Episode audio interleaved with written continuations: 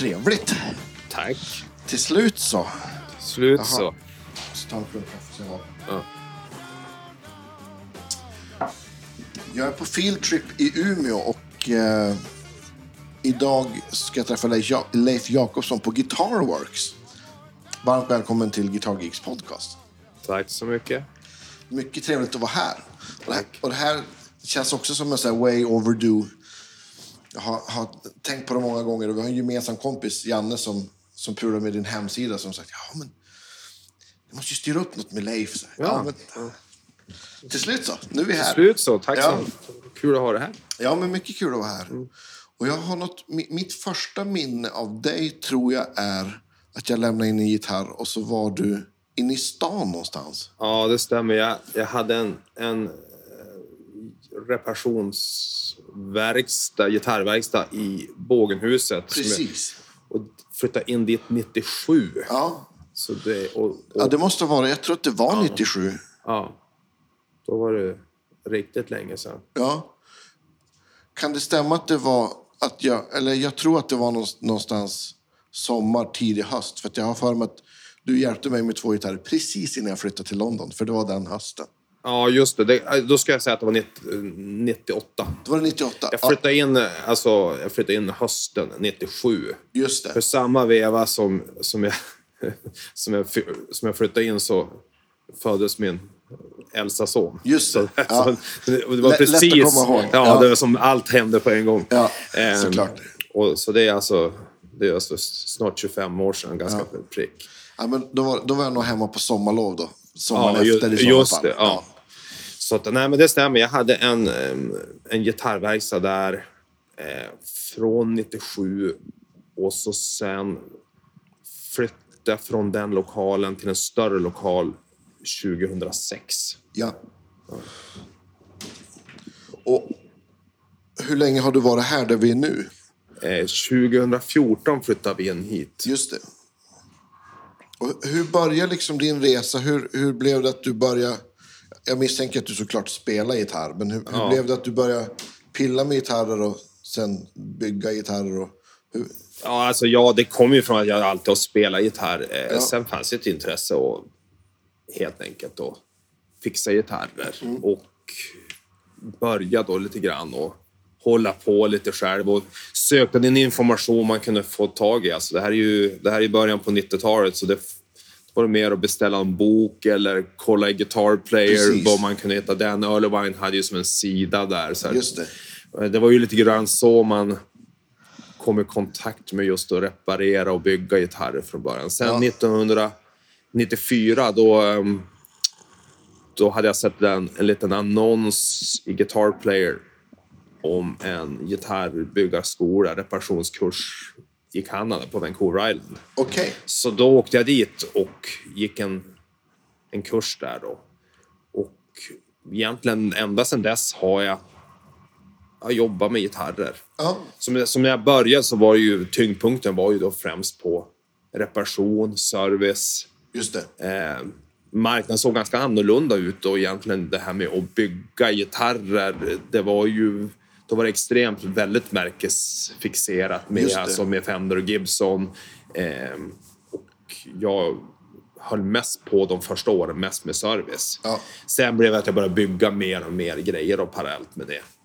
Och var det då kunder som frågade efter saker och, och så? Ja. Och på den vägen? Ja, Blev det liksom?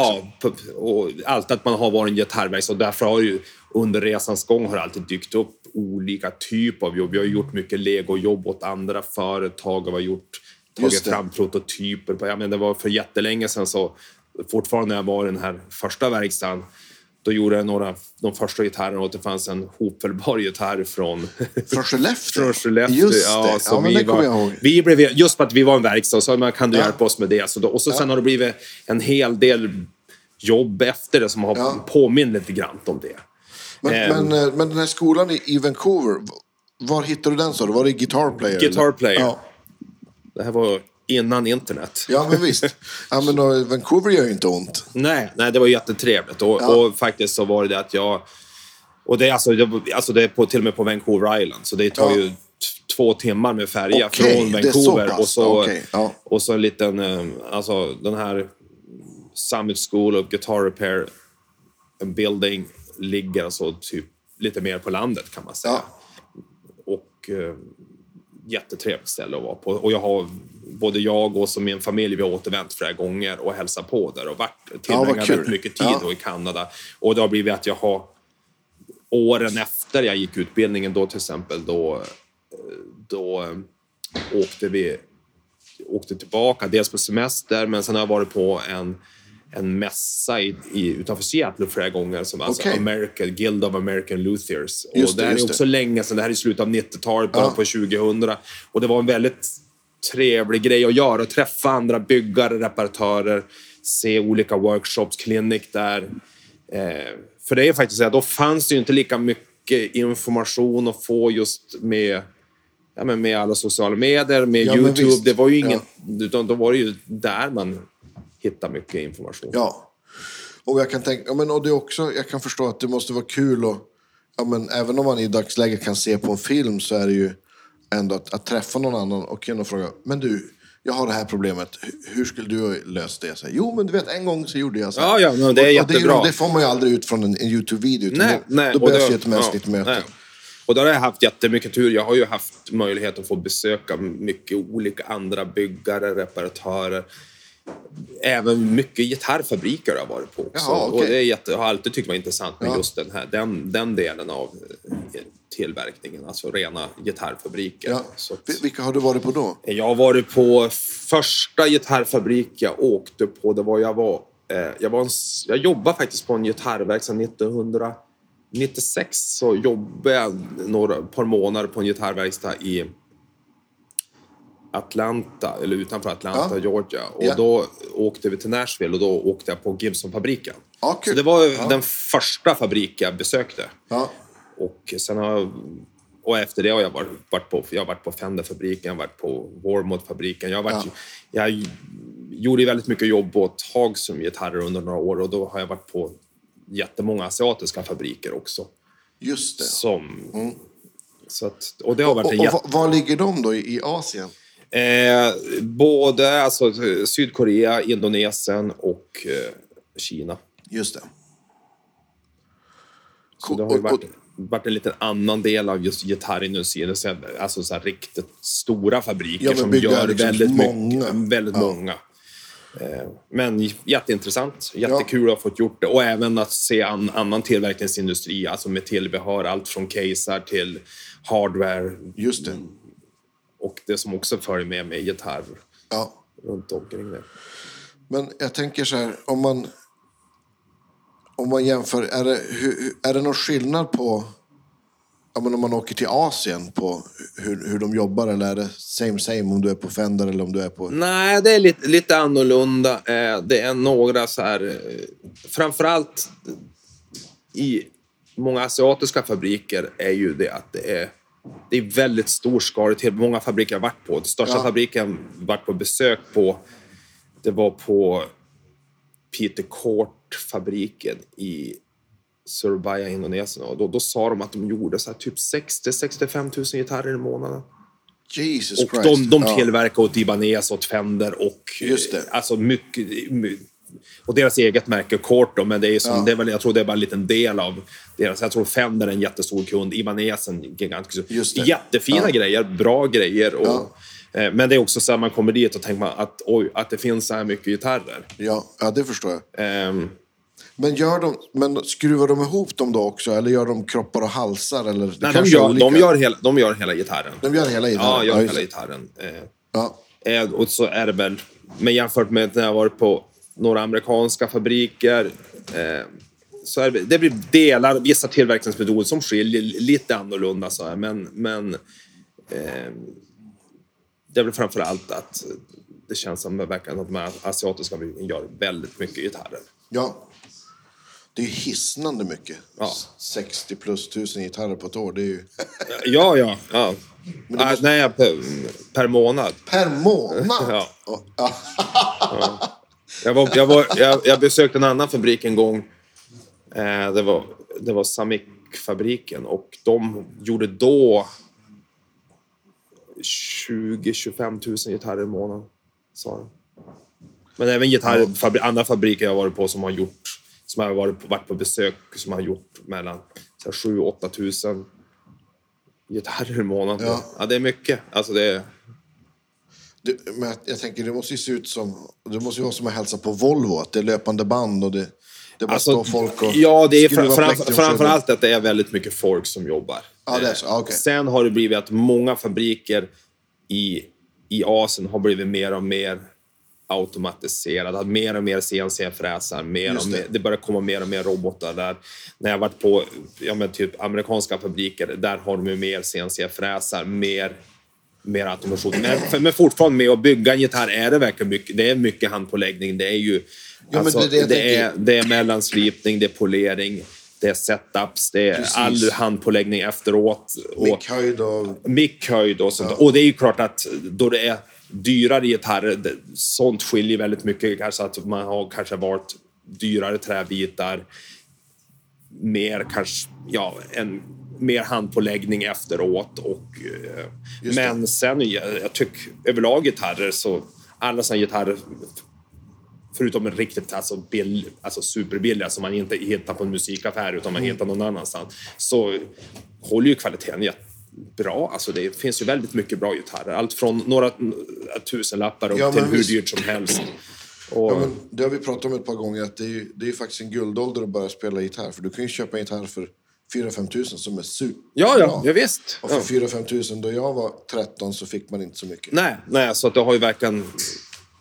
Och, men, vi får ju mycket kunder här som frågar när, ja, men, vad ska jag köpa för gitarr. Ska jag köpa den här? Och Jag, men, jag brukar säga, men vill du ha den här gitarren och du, och du har råd, och den, det, det är klart du ska köpa den. Även om den kostar 30, 40, 50 000 kronor, köp den. Alltså, lite grann. Men likadant om man har en begränsad budget. Och så, Ja. så, men, du kan ha den här gitarren också, vad, det funkar bra med det. Alltså, det är ju det är lite grann hur, hur allt ser ut. Och så, och, Ja, ja, visst. och det är ju en ganska stor prissegment och sånt där på, på gitarrer i dagens Ja.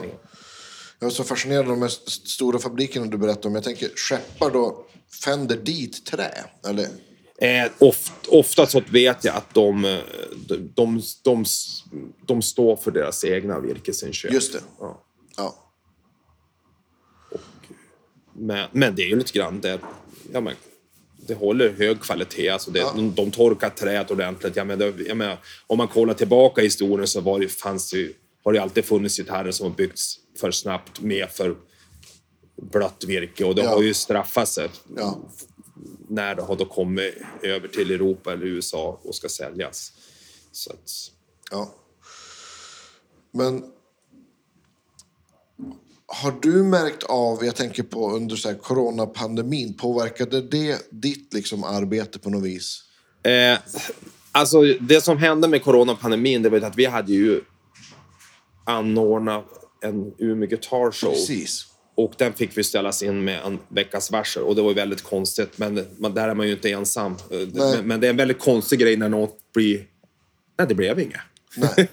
Eller vart framflyttat. Precis. Eh, Det är klart, det blir och sämst. sen var det några andra jobb vi hade på gång som vi skulle göra som då eh, vart inställda på grund av då kanske alltså coronapandemin. Men sen såg vi då att, att det, vi hade jättebra trafik i, i verkstaden. Många har spelat väldigt mycket hemma och det märks att folk spelar väldigt mycket in hemma. Mycket, mycket inspelning. Och då ser jag att de kommer till oss. Dels sen vi köpte mm, pleken och att vi kan få till en gitarr så bra, och stämma så bra som möjligt. Ja, men precis. Och folk ställer verkligen höga krav för att det ska stämma på bandet, det ska intonera, det, Ja, är, det ska kännas bra att spela på gitarren. Ja. Och, och det märkte vi under pandemin att oj vad folk spelar gitarr hemma. Ja. ja det har väl och- aldrig sålt så mycket gitarrer här. Nej, och, det, och mycket som har, folk som kom in och så sen somrarna var ju så här att vi hade jättemycket jobb båda pandemisomrarna. Det var nästan, det var faktiskt lugnare nu i sommar än vad det var under båda. Ja. Alltså vi pratade juni, juli, augusti och det var så här helt plötsligt så stannade en husbil utanför verkstaden som var någon som kom ut med tre gitarrer och så sen, ja, ska, de är på hemester och Ja. ska uh, fixa gitarrer. Ja. Så att, ehm, men det var en konstig tid. Ja, men det var det. Ja. Nej, men jag gjorde ju det också. Danne som jag gör den här podden med, han har ju gitarrverkstad också. Så Ja. Han pillar ju på jättemånga av mina gitarrer. För då fanns det ju tid också på Ja. något vis. ja. Så att, Ja, det vet jag också många musiker så de passar på lite grann och Ja, men får det fixat. Och, eh, ja. Serva maskinparken. ja, ver- verkligen. Så att, eh, och, och just den här kopplingen mot att spela in musik, både hemma eller spela in i studios och eh, olika musikgenrer också. Och där tror jag folk verkligen har suttit ner med sina instrument, med sin gitarr och bas och kollat, ja, men hur, hur låter det här, hur stämmer det på banden? Ja, men och, visst. eh, Ja, det är ju, just det där med stämning är ju faktiskt skoningslöst om man spelar in. ja, Särskilt om man, om man spelar in och det är en, en låt där det kanske finns ja, men keyboards och syntar som är digitala. Ja. De, är ju liksom, de har ju inte det här... Det finns ju en helt annan tolerans om man spelar in mot ett akustiskt piano eller ett Rhodes. Ja, Eller, ja. Så då måste det bara... Jag tar lite kaffe här. gör det. Men vi måste prata lite mer om, om, om gitarrmässan. Ja, eh, det var ju som sagt var nu... Hur, hur kom du på att du skulle göra en, en gitarrmässa? Du, det var egentligen så. Jag hade, jag hade två kunder som var in och sa att, ja, att det inte finns någon sorts gitarrmässa här uppe någon gång Ja, i Norrland. visst, ja. Alltså det är ingenting så. Alltså, det, och så började jag tänka på det. Ja, men det är inte så dum idé. Och så tänkte jag först, ska man dra igång något lite mindre med några eh, gitarrmusikföretag som finns mer lite grann i Umeå med omnejd. Ja. Och, så började och så började jag kolla runt och så fanns det som ett intresse av många utställare kom upp till Umeå. Ja, Och framförallt så har vi kopplingen mot eh, Vasa, Österbotten och Finland. För Finland är rätt nära Umeå. Ja, och vi visst. hade rätt bra med finska besökare nu, på, då vi nu i maj då vi äntligen kunde köra mässan för första gången. Ja. Och det var jättebra trafik från Ja. Finland och så en del då från från Norge också. Att- Och då ligger geografiskt sett så ligger Umeå jättebra till om man då kollar både öster och väster. Så att, precis. Ehm, och som sagt var, det varit mer folk. Vi hade ju- ja, det varit närmare tusen besökare på en dag. Det är jättekul. Det är jättebra. Så Ja, nu nästa verkligen. år, 6 till 7 maj, då kör vi två dagar. Skriv in i kalendern, hörni. Bra. Och, och ni är på Folkets hus. Folkets hus och i Folkets hus ligger även Guitars The Museum. Precis. Eh, Och nu när vi hade mässan då i maj så då i entrébiljetten ingick det då även att man kunde gå upp då Kolla. två trappor upp Guitars, Guitars, ja. Guitars Museum. Så det var ju en jättebra kombination. Så det var gitarr hela huset. Och, Ja, men verkligen. och då till nästa år har jag, nu har vi bokat mer plats. Eh, vi hade ju studion då på, på Folkets hus, eh, men nu har vi dubbelt så mycket yta nu till nästa år. Ja, så det kul. finns plats för Ja. mer utställare. För det där, Ja. nu har folk bara, alltså utställare börjat anmäla sig. Och om man som utställare vill komma, då mejlar man till dig, eller? Man mejlar till mig och vi har en hemsida, eh, umeåguitarshow.com. Ja. Och där kommer det nu under hösten kommer det hela tiden mer information. Och det går bra att mejla direkt till mig. Superbra initiativ. Tack. Jag var ju tyvärr på turné, eller det var ju kul att vara på turné då. De hade äntligen fick Ja, ja. Så jag ja, kunde inte ja, komma än sist. Ja, men nästa gång. Nästa gång. Nästa gång siktar vi på. Och ni har... Gör du den själv eller gör du den tillsammans med någon? Eh, jag... Alltså det är ju... Alltså, Sweden Guitar Works är vi som är arrangör. Ja. Jag har gjort väldigt mycket, men samtidigt har jag ju fantastiska medarbetare Ja. på företaget som Ja. har varit enorm hjälp. ja. Och... Eh, För jag kan tänka mig att du, du, du har ju det du gör till vardags ändå. Och en sån Ja, här sak ja. kan ju tendera att växa och ta ganska mycket tid. Ja, och det, Och, det, och det kan det gärna få, få göra. Så därför jag, jag, gillar, jag gillar ju hela den här... Alltså, man träffas på mässa. Ja, men visst. Eh, vi körde typ tre olika clinics Ja. förra året och vi håller redan nu på spån. Vi har några clinics på gång Ja. och vi kommer ha ett rum till där vi kommer att köra clinics. Just det. Eh, så, så att, och det, för det var väldigt, väldigt uppskattat. Ja. Och förra året hade vi till exempel Johan Lundgren som pratade om guitar pickups. Vi hade David Henriksson? David Henriksson berätta om sin resa som musiker till Nashville. Jajamän. Och då Pelle Holmström via Krafton Ibanez som körde mer än som en, en, en spelklinik. Ja. jättebra. Allt var superuppskattat. och det, var, Ja, men det är ju tre dundersnubbar. Ja, ja, På alla sätt. ja. Och, eh, och det, det håller vi på att spinna vidare på då tills nästa års mässa då, vad, vad som kommer att vara där. För då kör vi två dagar. Vi körde bara en dag första gången, Ah, men nu, okej, nu, har vi två, nu har vi två Ja. dagar. Då. Och, och vilka lokaler i, där på Folkets hus ska ni vara idag? Du säger att ni har utökat. Ja, eh, två stycken lokaler som ligger i samband, alltså på jag kommer inte ihåg vad de heter nu. Nej, heter men- det, ena är kring Freja där när man går in. Just det. Ja. Jag borde veta det. Jag har ju bokat dem. Men, Ja, men- men de, det, det är precis. Men man kommer gå in via stora huvudentrén när man kommer det. in på mässan Ja. på, på Folkets hus i Umeå. Och eh, eh, Och studion nere i källaren där också. där kommer jag köra. Och den, har, den är ju nyrenoverad nu, så de har byggt om den. Då. Ja, just det. Ja, jag ska på jazzfestivalen ikväll. Så jag Ja, då får du får kolla jag se hur det, hur det ser ut. Ja. Ja. Så att det blir spännande. Ja, men verkligen. Super, super eh, initiativ. Ja. Och, det, ja, men, och det tror jag också att, att det är... Två dagar tror jag kommer vara bra. Särskilt för folk som kanske reser, att de känner att det. Ja, det är lite grann det är så, så eh, är tanken. Och framförallt att på lördagen, då kan man framför både utställare och besökare kan lämnas, utställaren kan lämna sina montrar, stängs igen och då händer det my- mycket grejer runt om i, när, i närheten. Ja. För det som är bra att ha mässa i Umeå att allt är nära. Hotell är nära. Eh, flygplatsen, det tar tio minuter med ta- Ja, taxi till Ja. flygplatsen. Eh, alla restauranger, allting är ju, vi pratar ju fem, tio minuters gångväg max. Precis. Så det är verkligen ett kanonställe att anordna en mässa på. Ja. Och, och ja, ja, men det, eh, ja, men det här ser vi fram emot och eh, vi ska självklart promota detta i sociala medier under Tack, våren. tack. Så att vi fyller stället. Va, Jag är också lite nyfiken här. Du har... Just innan vi började podda här så, så hälsar jag ju på två killar, så du är inte själv här på, Nej, på Guitar Works. nej. Det, eh, nej, jag har... um, Som det är just nu så är det... Jag, jag har då Pelle Gustafsson som jobbar här. Han är Ja. ledig idag, han är inte här. Han har varit, Ja. varit med mig sedan 2006. Och så sen har jag Daniel här som... Han går lärling hos oss. Ja, så han har okej. gått ett år. Ja, Och så sen har jag då nu eh, Colin här, Ja. på, som har varit här ett tag eh, och eh, jobbar lite extra här. eh, Som har gått den här gitarrbyggarskolan i Stockholm. eh, Ja, Som heter Musikinstrumentakademin. Akademin, ja. jag var till och med, vad heter det nu då? Examinator Ja, tror jag att det ja. faktiskt heter. Ja.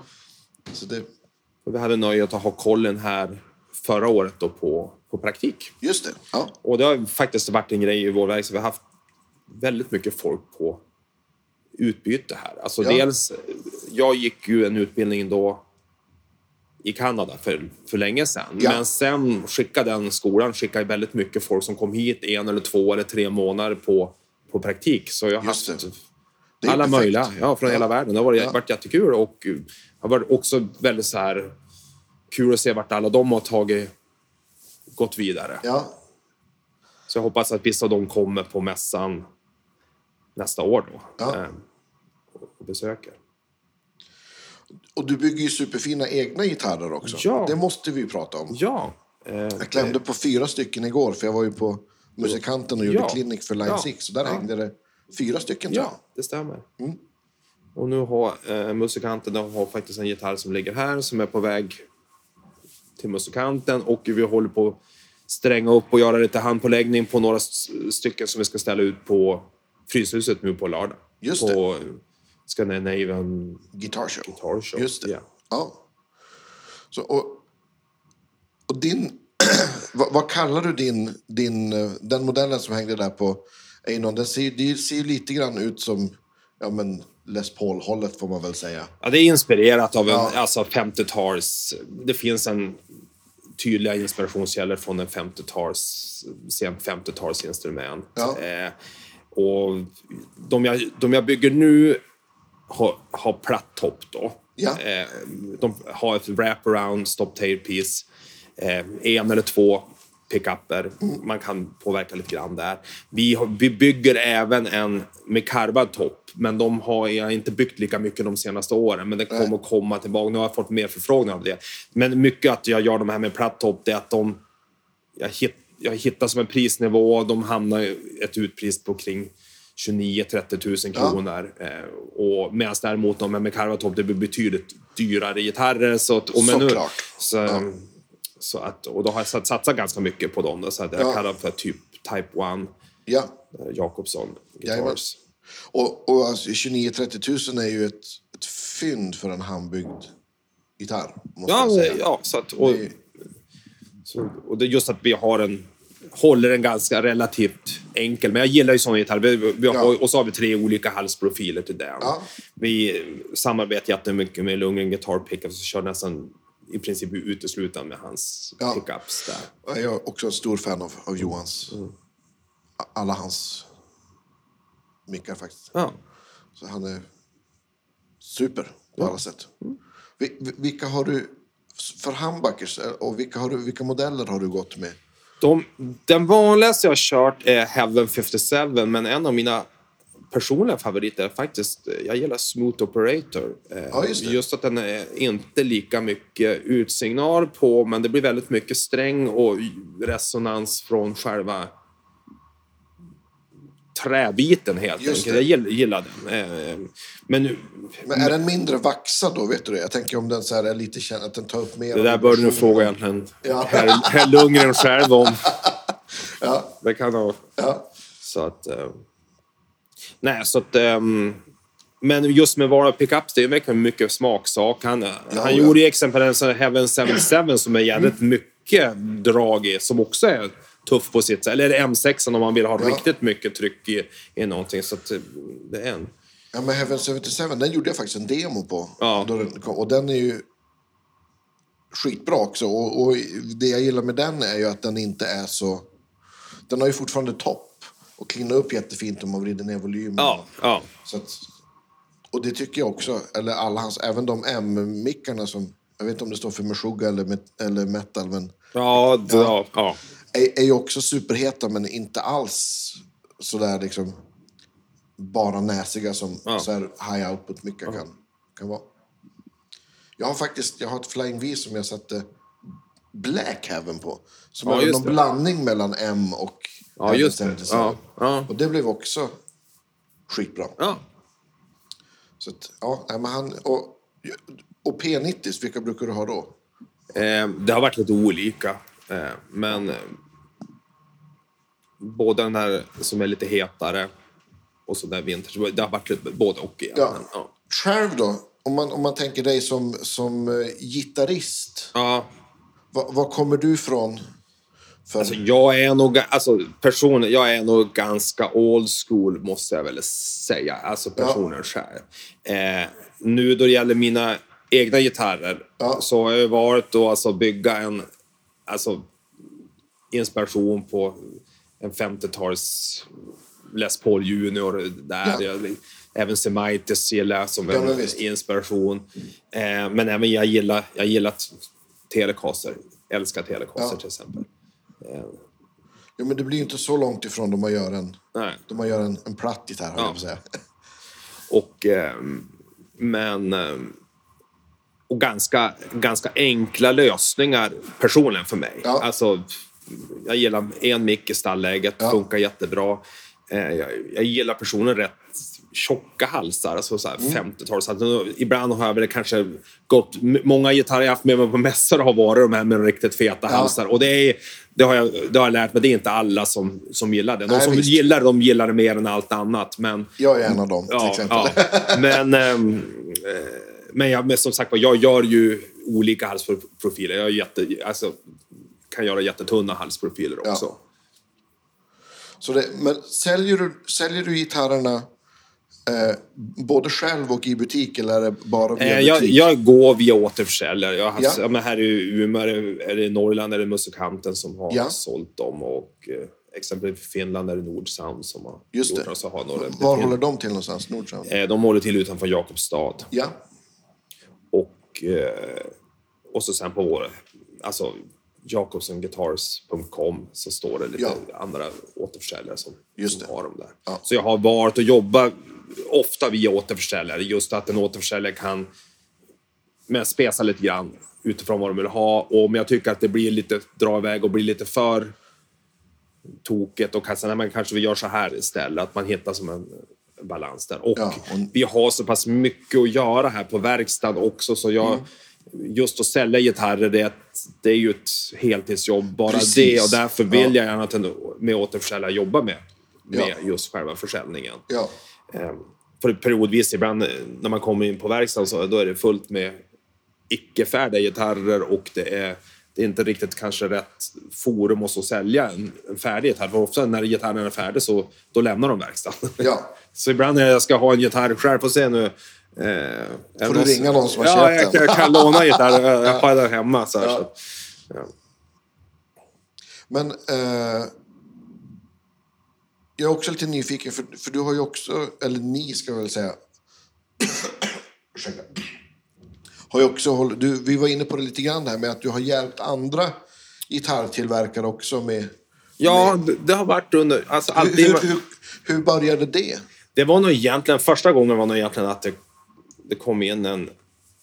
Ja, det var ett företag från Skellefteå som hade, skulle, de hade tagit fram en hopfällbar elgitarr. Det här är ju länge sedan och, och så, ja, vi är en gitarrverkstad och det, du vet, då kommer de in och frågar, kan ni hjälpa oss att bygga de här gitarrerna? Det var egentligen så, så du vet, som bara ett jobb som egentligen kom in via verkstaden. Ja, Och ja det, ja, det kan vi väl göra. Och så var det egentligen så det började. Och det var någon gång i början på 20, 2005, 2006 någonstans. Sen så, fick, sen så dök det upp andra grejer. Jag hade ju under, under fem års tid gjorde jag väldigt mycket jobb åt Hagström till exempel. Just det. Och eh, åkte och tittade på fabriker. Eh, var med och... Ti- Tillverkade du åt dem också, eller, eller var det liksom... Lite, lite grann har det varit tillverkning, men det har varit lite så här... Eh, även då... Och, alltså, vissa prototyper, vissa typ modeller. Just det. Och eh, hade då, ja, under fem års tid så reste jag väldigt mycket. Jag hade jättemycket resdagar. Och det, var, det var en jätterolig tid, en jättebra erfarenhet. Och, eh, Kul och, och Hagström är ju liksom ett eh, legendariskt svenskt ja, ja. Och, gitarr, eller, eller och även i, om man tänker i världen så var de ju faktiskt ganska, ganska tidiga. ja. V- Vem, var håller de till i dagsläget? Och vem, vem äger det? Har du koll? Jag inser bara att vi har inte gjort någonting om Hagström. Det, det är, ja, det är ju den som...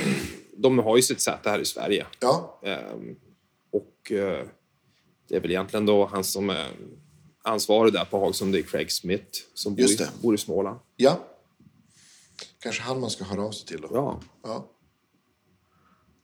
Och, eh, Och, då, och då fick du åka som sagt och kolla på tillverkning och ja, god, kvalitetsgodkänna höll jag på att säga. Och där. mycket, det var framförallt det... Och, ja, men det kom, var, var delaktig att ta fram nya grejer som skulle släppas. Ja, Och- kul. och Mycket, mycket ritningar och mycket... Ja, Ja. Och jättetrevligt. Ja. Alltså, jättefina gitarrer. Och just att det finns en lång historik just med Hagström. Precis. Och det märks man framför allt. Alltså när man, framförallt i Nordamerika så är det ju ett, ett väldigt så här, alltså just att det är svenskt, just att det finns en lång historik. ja men visst. Om man, om man tänker liksom... Det är bara att kolla nya, nya Elvis-filmen. Exakt, Mm. precis. Det, man tänker på att det måste, det måste ju... Jag tänkte på det när jag såg den. Det måste ju vara uppsving igen. Liksom. Ja, Och de är, jag fick ju faktiskt det här Hagström-stipendiet. När var det då? 2002 tror jag. De har ju stipendier som de delar ut jag, varje år. Man får söka, spela upp för en jury. Och, Ja. ja. så att, så, och det är också väldigt fint. Det ger de till, ja, till några gitarrister och dragspelare en eller två per år. Sådär. Ja. Så det, och för mig var ju det, eller var det 2001? Kan det ha varit? Ja, jag, ska, jag får kolla. Och för mig var ju det så här, då, då hade jag råd att köpa min första musikdator. Ja. Så att jag är faktiskt Hagström att tacka för ganska mycket. Ja, ja, att jag nu faktiskt ja men det är ju verkligen så. Ja. Ja. men Hagström har definitivt alltså satt eh, Sverige på internationellt på Ja, musikkartan. Alltså det är, det är Och just det här med till exempel, ta till exempel som Alltså Vikingen, en halva kustgitarr. Ja, visst. Kanongitarr, alltså Ja. snygg och ja. Ja. Ja, skitsnygg skulle Ja, jag säga. ja. Och, och, och sen jobb, har du väl samarbetat med Strandberg också va? Ja, det är just i början av hans tid så hjälp, gjorde vi, alltså vi gjorde rätt, gjorde gitar, tillverkade gitarrer här Ja. i Umeå då. Just det. Så att, um, och Har de alltid varit huvudlösa? ja, Ja. Alltså, sex, sju, åtta strängar. Ja. Även jag fler strängar också, lite så custom tillverkat. Ja, just det. Ja. Fränt. Så att det har ju varit lite olika sådana där uppdrag, alltid som har, har som kom in, alltså som har lite grann avlöst varandra. Eh, Ja, det det är väl det egentligen som något sen, sen, sen, vi, sen vi köpte då vi köpte Pleken 2017, Ja. då var det lite grann att... Då var det som att jag tog tillbaka lite grann när jag började mer som en gitarrverkstad. Fick mer och mer Service och... service, privatkunder, Ja. mycket ombandningar. Mycket, om, mycket ombandning med rostfritt har det varit. Och då har det, Ja. det varit jättebra med en Maskin. Med en maskin För det, det är tufft att göra. Ja, men det brukar Danne också klaga på att banda med rostfritt där, det tar, tar mer tid och det sliter på verktyg. Ja, det och- sliter och jättemycket händer. på verktyg. Alltså, Framförallt alla tänger. Jag vet inte hur många tänger har provat. Allt, ja, och då och då köper jag en ny tång. Den här ska vara bra för rostfritt, men den, den tar ju slut till... till Ändå. Ja. Men... ehm, och just med... Det har ju varit en väldigt populär grej de senaste åren just att banda med rostfritt. Och Ja. jag, jag brukar aldrig sälja på någon kund och säga att du ska ha rostfritt. Utan, utan de som vill ha det, de ja, men testa och se hur du tycker att det är. Ja. Och bilda din egen uppfattning. Eh, För det känns annorlunda. Jajamän. Det låter annorlunda. Eh, Jag säger inte att det är bättre eller sämre. Eh, Men samtidigt så det är ju det att banden, det håller ju längre Ja, också. Du får nog nöta på rätt bra innan Ja. det är dags att slipa dem igen. Eller byta, åtminstone byta dem. Jag tror att man får jobba ganska länge. Ja, Jag visade en, en, en kollega som jag var på turné med här för ett par veckor sedan. Som hade jätteslitna band på sin, sin, sin stratta och sa ja, men jag funderar på rostfria. Så bara visa, kolla på den här. Visst är det fina band? Ja, är den nybandad? Nej, den här bandade Danne 2013. Ja. det är nio år sedan. Ja. Jag spelar på den minst 100 gig per år. Alltså. Ja. Så att, och det, det är inte en grop i dem. Liksom. Nej, men det är väldigt olika eh, för gitarrister. Alltså, vissa sliter banden mycket mer Ja. och vissa mm, kan ha rätt, alltså, spela mycket och rätt lite. Så här. Eh, det är så att...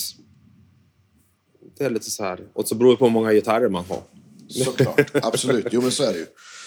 Nej, men, jag gillar soundet och feelingen. Jag tycker att det, blir, jag tycker att det är ett lyft. En del tycker att det blir något kanske för mycket diskant i attacken. Ja. Jag kanske är så döv så att jag gillar det, jag vet inte.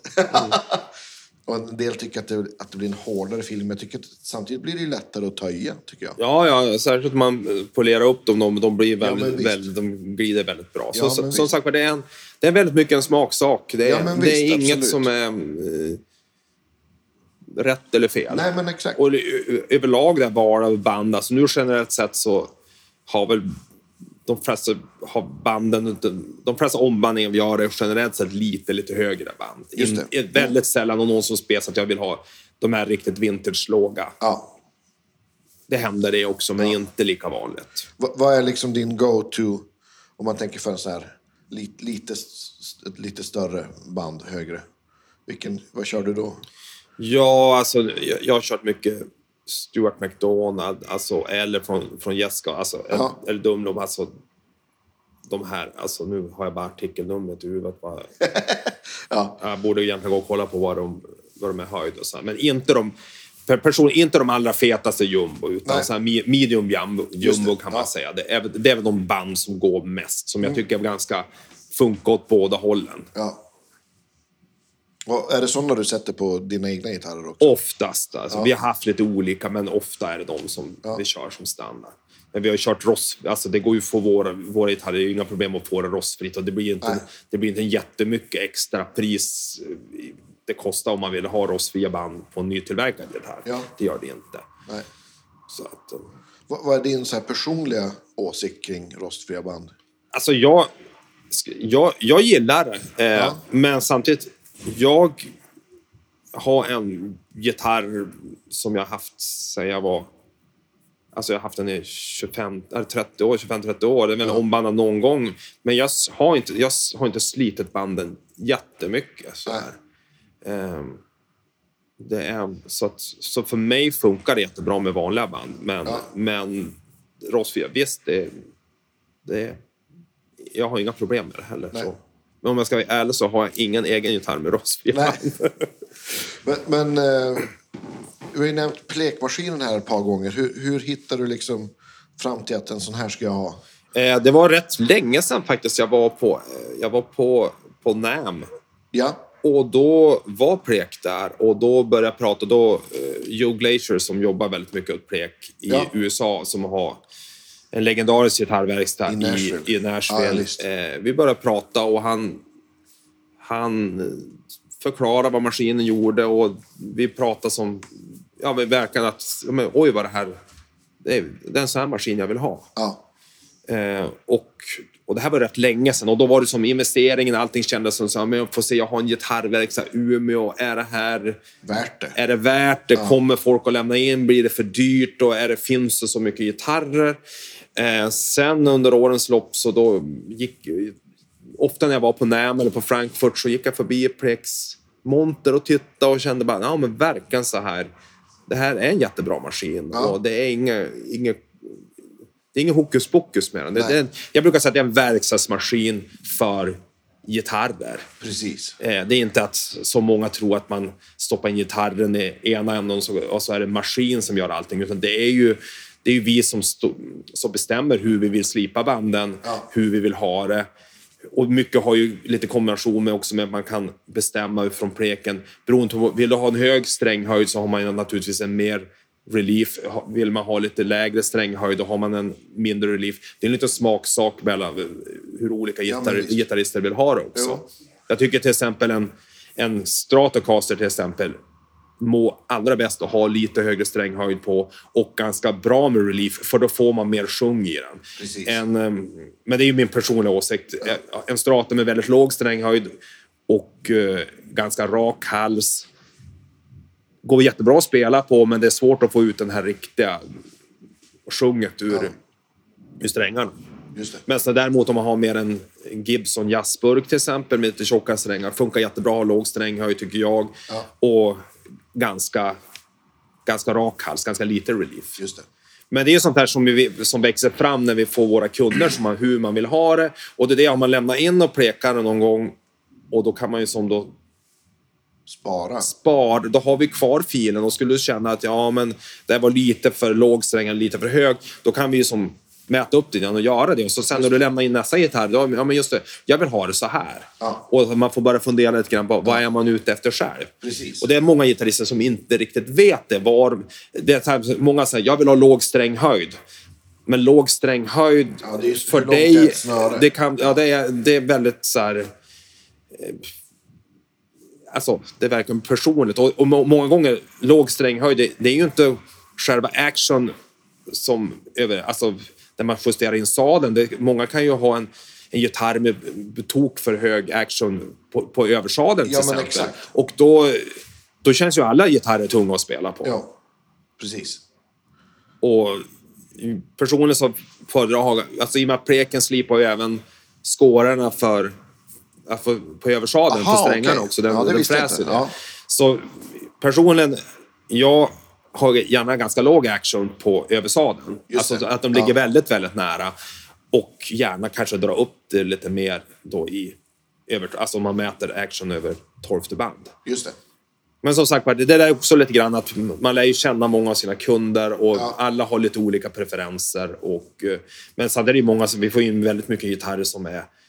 Alltså jag tänker, hur har folk ens orkat spela på de här? Särskilt på stålsträngade akustiska Ja, gitarrer. det kan jag tänka mig. Ehm, Det var min nästa fråga. Ja, där, eh, och där är pleken ett fantastiskt verktyg just att alla stålsträngade gitarrer rör sig alltid en del i locket och du, ofta väder och vind gör att det blir en liten, liten puckel alltså där med halsinfästet. Ja. Och med, med hjälp av pleken behöver man inte slipa banden mer än nödvändigt och då kan, man få ner till en, en normal stränghöjd och framförallt eh, översadeln att den inte ligger för högt så att det blir för tungt att trycka ner där.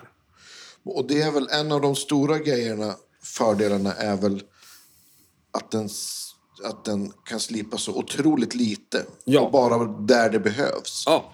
Och det, det som är ganska vanligt som vi har sett på gitarrer, det är att, att när en, en gitarr eller bas kommer in, vi ska inte glömma att nämna basar, Nej, för vi gör klart. lika mycket basar, annars ja. kan basister bli sura. Ja. Nej, men det är att vi...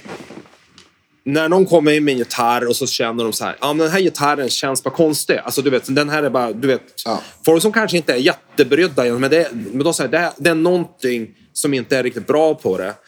Um, och då, då kan de, visst, de kan leva med att det kan vara lite bandrassel på vissa ställen. Det har de inga problem med, men det är något som är konstigt. Och det vanligaste då det är att du har, på bassidan är det för, vi säger, det är för lite relief på bassidan och för mycket relief på, på treble-sidan. Ah, okay. Och då är det som att då känns det lite konstigt. Och ibland så kan det vara på vissa gitarrer att om det är, vi säger en, en Les Paul med 12-tumsradie Ja. Av någon anledning så är det, det är inte, på första band är det inte 12 tums radio. Där är det kanske man, när pleken mäter upp det, är det typ 10,5. Ja, okay. Och så sen på tolfte band är den 11,8 i radio. Ja. Okej. Okay. Nu, alltså tvärtom, det är, det är, det är, en, det är, en, det är en plattare radio på första band än på, på tolfte, på tolfte band. Ja. Och då funkar den ju att spela på, men det är något som känns konstigt. Ja. Och då med hjälp av pleken så får man ju till det. Så att ja. är det en 12 tums radie så gör vi, vi gör det alltid lite, lite compound. Alltså just, just uh, från första band till, ja. till 12 band. Så är den exempelvis 12 tum så kanske att den är, den är, den är mindre än 12 tum på, på första bandet än vad det är på, på sista bandet. Så att det Just det. En, och inför en ombandning så är det inga problem för oss att göra en compound radio heller. Ja, om man vill ha det. För att när vi har ryckt av banden så planar ju pleken eh, grappbrädan. Det är ett jättefint frässtål som, som, som ändrar radion. Och det har ju varit rätt vanligt att vissa gitarrer som var gamla som kanske ska ha en 12-tumsradie. När man då har tagit bort banden och mätt upp den så är den ju den är inte 12 tum. Nej. Och då kanske kan man återställa lite grann som den ska vara. Eller exempelvis en 7,25 tums stratta. Många vill ha kanske lite mer mot 9,5 tum i radier, ja. så lite plattare. Precis. Så då kan vi fixa det. Ja. Och om man tänker så här, om man, om man har en, säg 9,5, hur, hur mycket kan man liksom, utan att, band, utan att banda om, hur mycket kan man slipa för att ändra liksom radiusen sådär? Rent, kan man göra den till en 10 eller? Du menar att slipa ja. på bandet? Ja. Eh, det beror lite på. Alltså jag brukar inte vilja ändra för allt för mycket på radion. Alltså mäta upp en gitarr och så ser jag att den är... Vi säger att den är... Den mäter 9,5 tum. Ja. Radion. Och då, då försöker jag, då, då kanske jag går lite ner, alltså första bandet går lite mer ner mot nio där och så att ja. den planar ut. Jag tar hänsyn till hur mycket, jag vill inte ta bort för mycket i onödan av bandstavarna. Nej. Nej, men såklart. Det men är det riktiga tjocka band till exempel, då kan man ändra raden ganska mycket faktiskt ja. med hjälp av det. Men om det kan undvikas så gör jag, jag gör det. Alltså helst, helst inte. Men ibland, ibland så kan det vara till exempel att banden är slitna på ett så konstigt sätt så även om raden på greppbrädan mäter en grej men bandstavarna, ovansidan på bandstavarna gör att jag måste ändra radion för att inte behöva ta bort lika mycket. Ja. Då gör jag det. Men, det, ja, men det, jag förstår att det måste vara ett fantastiskt verktyg. Ja, ja.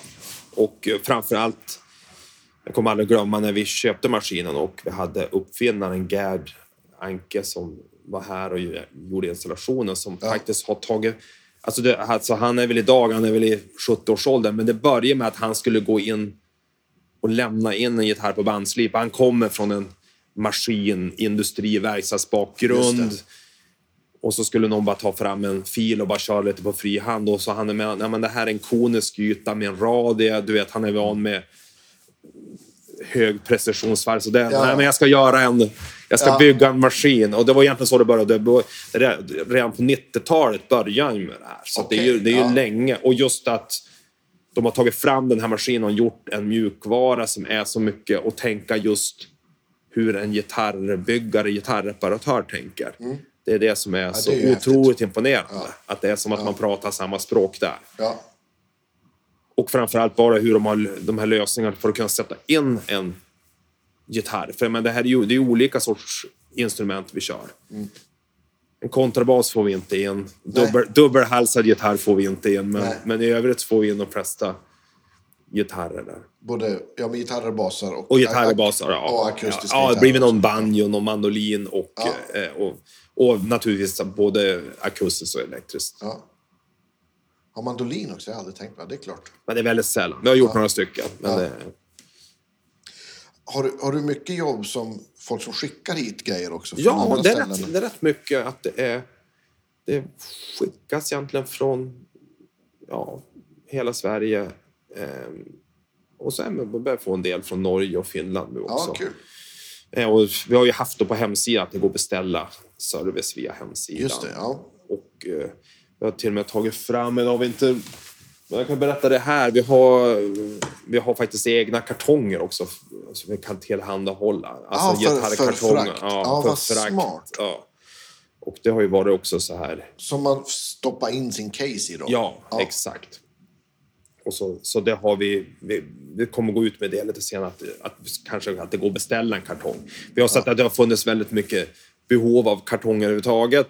Mm. Framförallt allt, alla gitarrer som säljs till exempel. Ja, Och- men exakt. Skicka på bussgods. Precis, exakt. liksom. och, Ja. först, och även...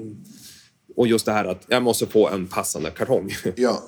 Så att... eh, ja, det är något som ni har specialbeställt? Ja, vi har gjort det. Eh, Vi har faktiskt vi, vi har haft ehm, en, en kartong då som passar de flesta elgitarrer Ja. och till viss mån akustiska gitarrer. Men nu har vi även beställt en kartong för elbas och så en lite tjockare kartong som även går till akustiska gitarrer. Just det. Eh, så, att, eh, så att det ska finnas helt enkelt. Det är ju toppen. Ja. Jag, jag hade det där dilemmat här i, i våras. Jag beställde, 2020 beställde jag en handbyggd Weissenborn från Italien. Ja, Och jag krånglade ju till det och ville ha en, en bariton Weissenborn. Så det är ju, den är bredare, större, längre. Så det, Ja, fin, ja. det finns inte ens en case till det. Han bara, ja, men jag, jag packar en kartong och skickar. Och jag var så jävligt nervös. Den kom fram och det, var, det gick bra. Men, Ja. men det var, då tänkte jag på det. Ska jag skicka något emballage eller? Ja. Nej, för många, många, många dras ju för att skicka grejer. Ja, det förstår jag. Och, och dels veta om det här med vad ska man, vad ska man packa en gitarr i. Mm. Eh, och sen har det ju varit att vissa fraktbolag har ju tyvärr haft lite dåligt rykte. Eh, men jag ska säga de senaste tiden tycker jag faktiskt alla fraktbolag vi har jobbat med har skött sig jättebra. Det, har varit, alltså, det är lätt att gnälla när det något är Jo. dåligt, men nu ska jag faktiskt... eh, För Plussa. oss, det har Ja. funkat jättebra. Och, och vilka är det då? är ju intressant. Vi har, haft, eh, vi har ju kört bussgods, DHL, UPS, Postnord. Har fu- funkat jättebra nu på sistone. Alltså, så det, Ja, är, kul. det är... Det har varit faktiskt... Och det har ju, många är lite oroliga inför det också. Men, Ja. men sen är det som sagt rätt sorts kartong. Och gärna släppa på strängarna i caset är jättebra. Just Så det. det inte finns någon belastning. Oavsett om det är el eller akustiskt. Ja, jag brukar alltid rekommendera... Alltså, s- För säkerhetens skull.